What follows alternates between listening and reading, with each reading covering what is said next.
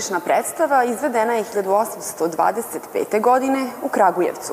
Bio je to temelj na kome su se potom gradili stubovi teatarske umetnosti kod nas. Ovog meseca jedno pozorište u Novom Sadu proslavilo je 92 godine postojanja, a utiske sumiramo na početku prve ovonedeljne arterije. Ovo su priče koje izdvajamo. 92. rođendan pozorišta mladih.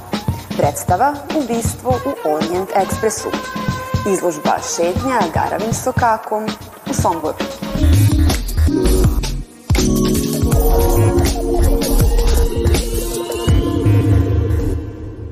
Nastalo je 1932. godine kao lutkarsko pozorište pri Sokolskom društvu u Novom Sadu, a danas je pozorište mladih jedan od bastiona teatara u našem gradu, budući da na njemu aktivno deluju scena za decu i dramska scena.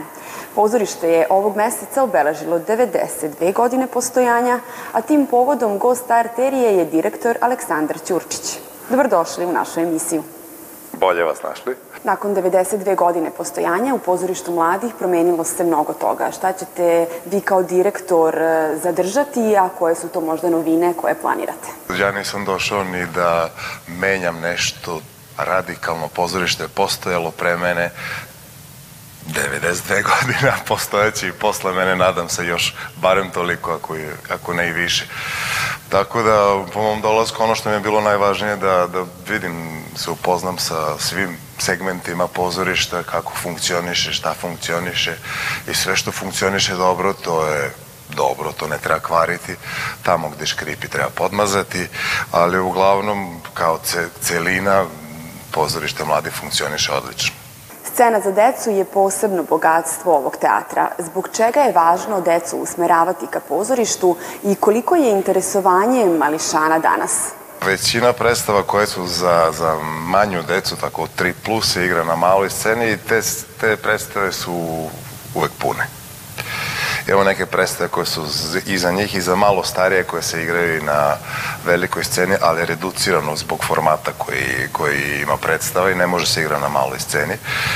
I ono što jeste interesantno da pozorište mladih nije samo pozorište za decu, bukvalno publika pozorišta mladih je od 3 do 103 godine. Imamo predstave i velikog i malog formata, kako dramske, tako lutkarske, kako za decu, tako za školski uzrast, koji nije baš za malu decu, tako za adolescente i naravno i za odrasle.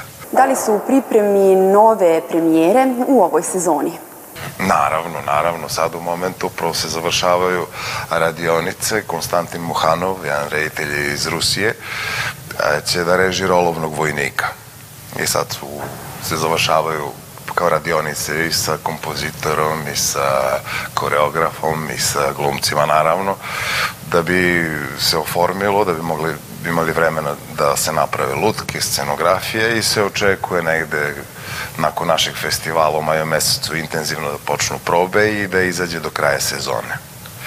A umeđu vremenu ćemo imati sad u martu i očekujemo premijeru krajem aprila.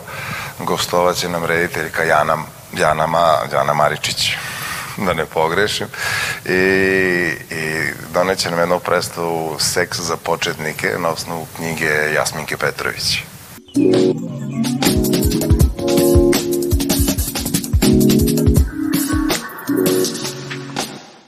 Čuvena britanska spisateljica Agata Christie, autorka je 66 krimi romana, a najpoznatiji lik iz njenih dela svakako je belgijski detektiv Hercule Poirot.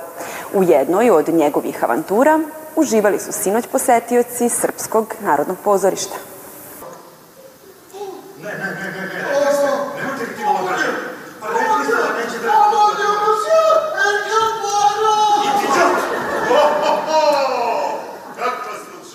Još pre dve nedelje bile su rasprodate karte u našem najstarijem teatru za gostujuću predstavu Ubistvo u Orient Ekspresu u izvođenju ansambla pozorišta Boško Buha. Čuveni detektivski roman britanske spisateljice Agate Kristi nakon filmske adaptacije 2017. godine dobio je pre godinu i po dana pozorišnu inscenaciju u režiji Darijana Mihajlovića, a prema dramatizaciji Kena Ludviga i u prevodu Ivane Dimić. Ulogu čuvenog belgijskog detektiva Herkula Poirot Igrao je Andrija Milošević, a ostale uloge tumačili su članovi ansambla pozorišta Boško Buha, Viktor Savić, Borka Tomović, Lena Bogdanović, Jelena Trkulja, Stefan Bundalo i drugi. Kuriozitet je taj što je Beogradska predstava Ubistvo u Orient Expressu, koja se igra u 15 pozorišta u svetu, među kojima je i Broadway prva u jugoistočnoj Evropi koja se igra na sceni. Posebnost je i to što je ovo jedini roman velike spisateljice za koji su ikada izdata pozorišna prava od fondacije Agata Kristi, koja je izabrala Ivanu Dimić za prevodioca.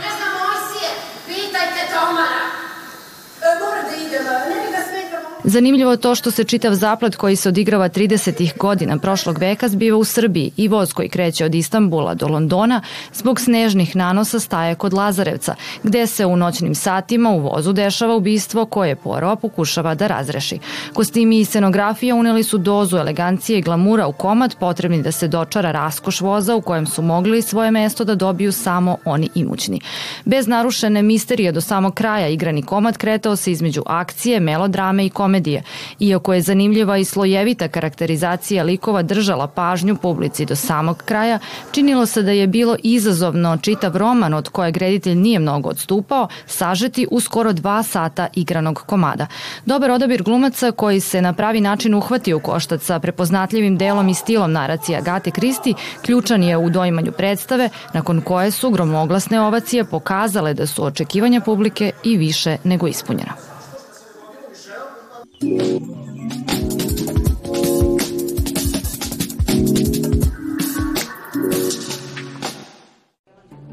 Prepoznatljivo lice Bačkog, a po karakteru evropskog grada Sombora sa glavnim sokakom po sredini venca, jedinstven je pečat izložbe Šetnja glavnim sokakom. Izložba je zajednički projekat Gradskog muzeja u Somboru i Istorijskog arhiva grada upriličena povodom obeležavanja Dana grada Sombora. Autorke izložbe kao i mi kao producenti smo želeli da povedemo naše sugrađane u jednu vremensku šetnju kroz različite epohe, da osete duh naše glavne ulice, žile kucavice našeg grada. Autorke izložbe Milka Ljuboja, muzejska savjetnica istoričarka, Anastazija Mako, arhiviskinja Istorijskog arhiva u Somboru i Martina Malbaški, kustoskinja istoričarka, na stotinak su jedinstvenih fotografija Sombora ispričale istoriju grada i somborske svakodnevice nekada i sada. Za pripremu ove izložbe smo pregledali preko 3-4 stotine fotografija, znači imamo jako bogatu zbirku tamo u arhivu, a muzej ima jako bogatu zbirku razglednica. E, bilo je teško izabrati šta ćemo staviti, ovo je to što vidite, to je bio naš izbor na kraju. Neke sad prvi put vide e, svetlost dana, tako rečeno, znači dosta smo samo mi arhivisti njih gledali i divili se njima, a sada eto mogu, mogu i ostali ljudi. Obilazak postavke pruža posetiocima jedinstveni doživljaj vremenske šetnje centrom Sombora i najpoznatijih somborskih sokaka dočaravajući fotografijama iz različitih epoha, izgled i karakter našeg Sombora, grada koji se diče svojim vekovnim trajanjem, nasleđem iz minulih vremena i beleži različite stremljenja i hod u skladu sa vremenom.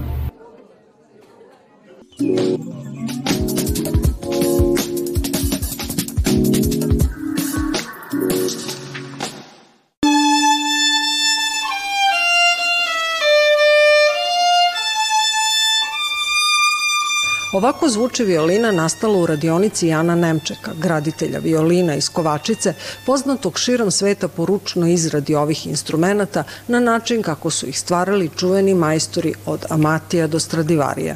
Gradnja počinje još u šumi jer od pravilnog izbora smrče i javora zavisi kvalitet. Među smršama koja se koristi za gornju tablu koja produkuje ton imate imate onu koja zvuči rezonantno, a imate smrču koja Znači to nije, i zato mi odlazimo u te šume i biramo ona stabla koja su rezonantna i onda dolazi u radionicu i suši se nekoliko godina, pa onda sve radimo ručno po tehnologiji slavnih italijanskih graditelja. 200 sati traje izrada od početka do, do kraja. Po izuzetnoj rebrastoj teksturi javora, naš region je vodeći u svetu, a posebno redak i dragoceni ptiči javor. Slavni Stradivari je samo jedan instrument od njega napravio, kaže Nemček, i dodaje da je u prilici da napravi više jer je u lici pronašao ovakvu vrstu javora. Poručbene stižu iz celog sveta. Najviše kupaca je iz Amerike, Rusije, Kine. Njegove violine sviraju mnogi poznati muzičari, a oko 30 instrumenta poklonio je talentovanoj deci iz Srbije. Nemček se bavi restauracijom violina, a posjeduje tri izuzetno vredne. U Badanini, to je bušeni Stradivariusa iz 1775. To smo mi restaurirali i onda otkupili. Drugi instrument još stariji je 1687. u Erfurtu, to mi je jedan nemaški turista poklonio, bila je razbijena. A on rekao, uradite s njim, ja to bacam u I sad je ona vrlo vredan instrument i najstarije je 1510. rađena je u Pragu. Nemčak je druga generacija graditelja violina. Posao je učio od strica, a kasnije od Lidije Paržik Tanasijević, prve žene graditeljke violina. Od nje je nasledio dragocenu literaturu i poseban alat koji su mu pomogli da se probije u svetski vrh kada je u pitanju izrada ovog instrumenta. Njegovu kuću umetnosti posećuje na hiljade turista iz celog sveta. Dobio je mnogobrojna priznanja, a poslednje jedno od najdražih je sretensko odlikovanje, zlatna medalja za zasluge koja mu je nedavno uručena povodom Dana državnosti. Hvala vam što ste i ovog ponedeljka bili naša publika. Očekujemo vas i sutra sa novim pričama iz sveta umetnosti i kulture od 22.35 na prvom programu naše televizije. Prijatno!